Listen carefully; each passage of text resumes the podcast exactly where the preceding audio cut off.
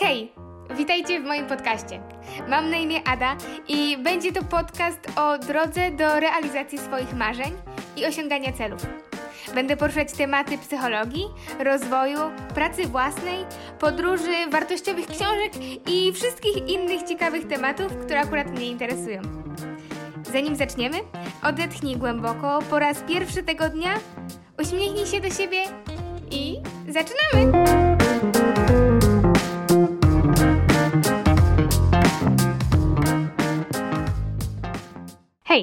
Dzisiaj opowiem Wam o książce Mata Heiga Biblioteka o północy.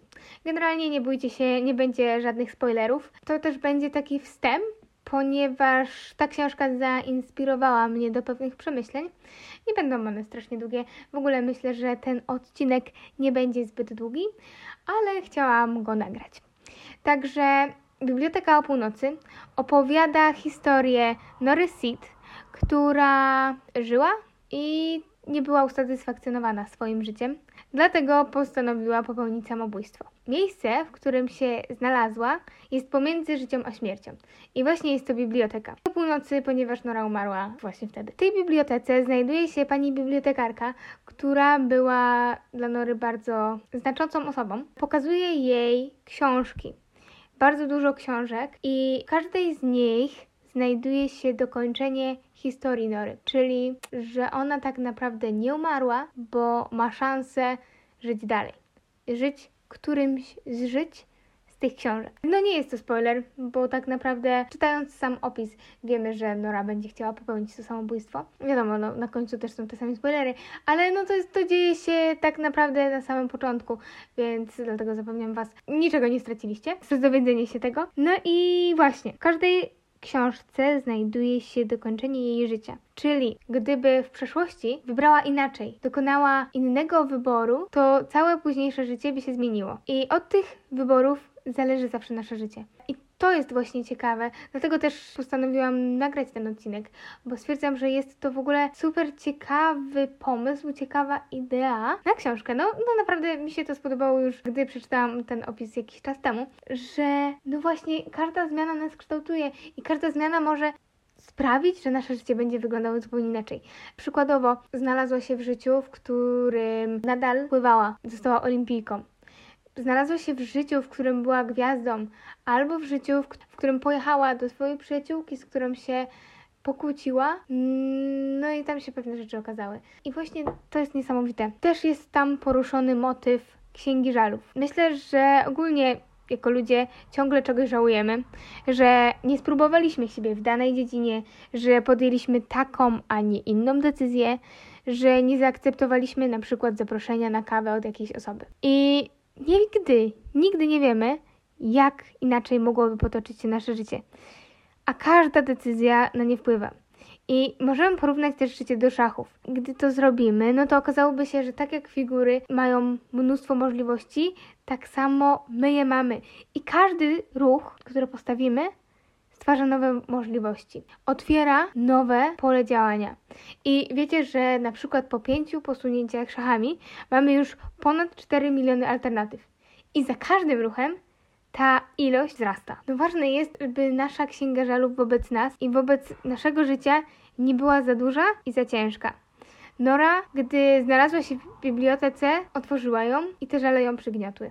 A im więcej jest w niej żalu, tym mniej nam chce się żyć, bo uważam, że tym trudniejsze to jest i to powoduje, że żyje nam się właśnie trudniej.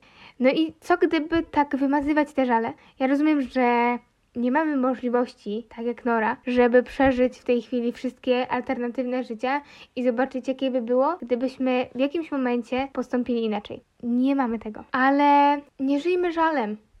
Może to jest clue. Oczywiście każdy z nas się zastanawia na przykład, co by było gdyby. I ja też się zastanawiam, co by było, gdybym w siebie nie zwątpiła, mając 18 lat i nie zrezygnowała z marzeń, które w tamtym momencie miałam. Te marzenia nadal są we mnie w tej chwili trochę jako niespełnione marzenia i grają we mnie w jakiś sposób. Myślę, że chciałabym je też kiedyś zrealizować, może nieco w innej odsłonie, ale no nadal o nich pamiętam. W każdym razie wybrałam to życie i nie zawsze życie rozumiemy, ale po prostu musimy nim żyć. I ja cieszę się, że wybrałam to życie i że właśnie żyję tym życiem, którym żyję. I jestem naprawdę za nie mega wdzięczna. Gdybym podjęła inną decyzję, prawdopodobnie nie miałabym na przykład relacji, które w tej chwili mam, nie miałabym zainteresowań, planów i możliwości, które mam, a które są w tej chwili moim sensem i wyznaczają moje dalsze możliwości. Też nie chciałam, żeby to był wywód o mnie, więc wracając do głównej myśli, każdy z nas wybrał to życie. Albo częściej, albo mniej często nie realizujemy swojego potencjału w nim bo na przykład jesteśmy przygniecieni przez nasze żale, przez naszą księgę żalów, albo też porywa nas po prostu życie i w tym życiu nie zawsze robimy rzeczy, które są dla nas naprawdę ważne. No bo przecież mamy inne obowiązki, mamy zobowiązania, mamy rzeczy, które się ogólnie podjęliśmy, oczekiwania innych, oczekiwania nas samych wobec czegoś. I jesteśmy tak wrzuceni w ten świat, w którym staramy się jakoś odnaleźć. Chcemy znaleźć w nim siebie, ale to też, jak jesteśmy w niego wrzuceni, nas jakoś tam wypełnia i poniekąd definiuje. Więc myślę, że fajnie by było, gdybyśmy się częściej zastanawiali nad tym, czego chcemy, na czym naprawdę nam zależy. I ja generalnie nie myślałam, że wyjdzie z tego odcinek. Chciałam napisać opinię sobie tak dla siebie o tej książce, więc zaczęłam pisać różne rzeczy i sama wzięłam kartkę i długopis i napisałam to, co naprawdę bym chciała. Więc zachęcam też Was, żebyście usiedli, możecie to zastopować i po prostu zastanówcie się, czego chcecie dla siebie teraz. Co widzicie, że ma dla Was potencjał i co moglibyście zrobić, co jest dla Was ważne. Nie ograniczajcie się, piszcie wszystko, co Wam przyjdzie do głowy i myślę, że na pewno uda Wam się coś napisać, jestem przekonana. Nieważne, czy jest tego mniej, czy więcej, ale po prostu napiszcie to.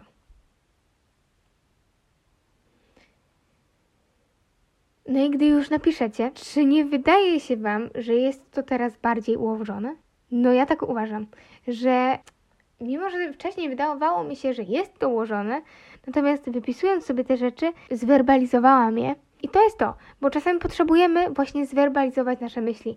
I jest dokładnie tak samo, gdy o czymś marzymy. Gdy zapiszemy coś, to skłania nas do głębszego zastanowienia się nad danymi kwestiami, przynajmniej ze względu na to, że musieliśmy to nie tylko ułożyć w głowie, ale oprócz tego przelać na papier. Taka ciekawostka z psychologii społecznej jest taka, że postawa zmienia się wskutek wyszukiwania przyczyn. I w jaki sposób to może korespondować z tym, o czym przed chwilą powiedziałam.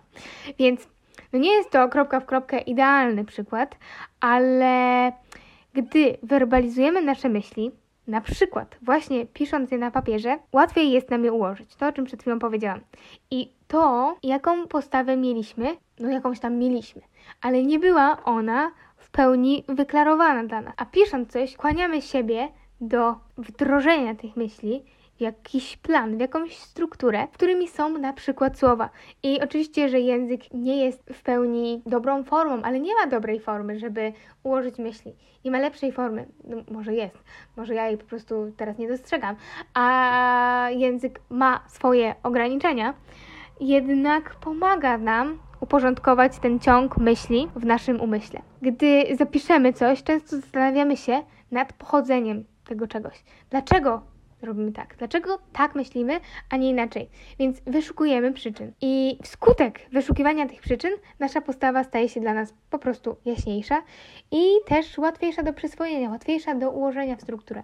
Także wracając, żeby to się ułożyło, nasza postawa zmienia się wskutek wyszukiwania przyczyn. Tak podsumowując. Ok, no więc zapisaliście może swoje rzeczy, może nie. Mm, nie zmuszam, zachęcam. Czy widzicie może pomysł, jaki można to wdrożyć w życie. I oczywiście no, nie, nie wiem, jak bardzo ogólnie lub szczegółowo opisaliście te cele. E, no jednym ze sposobów na przykład byłoby rozłożenie każdego z tych punktów na jeszcze mniejsze i po prostu dążenie do tych mniejszych rzeczy doprowadziłoby do większych rzeczy, więc małe kroki doprowadzą nas do dużych zmian. No to taki po prostu pomysł ode mnie, ale może dzięki temu po prostu więcej zrozumieliście. E, więcej siebie, no, no nie wiem, chodzi mi o to, że może dzięki temu bardziej Wam to się ułożyło. Albo przynajmniej zastanowiliście się nad tym, czego chcecie, bo dawno tego nie robiliście. No, taki przykład. E, taka możliwość. Więc każdy z nas ma możliwości. Jesteśmy tylko przygnieceni innymi sprawami, przez co nie tak łatwo jest nam pomyśleć, a jeszcze trudniej zrealizować te myśli. I to, co chcę Wam przekazać, jak już końcowo, to to, żebyście właśnie nie zapominali o tym, co jest dla Was ważne i o tym, że macie ten potencjał, bo w każdym z nas, uważam, on drzemie, tylko trzeba go dostrzec. Uważam, że zawsze można inaczej i nigdy nie mamy tylko jednego wyboru. Zawsze jest ich więcej, ale nie są tak łatwo dostrzegalne. Dobrze, no więc to by było na tyle. Tak jak mówiłam, jest to krótszy odcinek, ale zawarłam w nim tę myśl, którą chciałam i właśnie to, co było ważne dla mnie w tej książce. Zachęcam Was do przeczytania jej. Uważam, że jest bardzo ciekawa. No ja lubię taką tematykę. Mm, ona nie jest może tylko o możliwościach, ale też o tym, że żałujemy tak dużo. Okej, okay, dobra, już nie przedłużam. Róbcie swoje w życiu i myślcie nad swoimi możliwościami. Dobra, to pa! Dzięki, że byliście ze mną. Słyszymy się niebawem, a tymczasem trzymajcie się ciepło, nie puszczajcie i dostrzegajcie, jaki piękny może być ten świat. Nie przestawajcie marzyć. Do usłyszenia. Pa!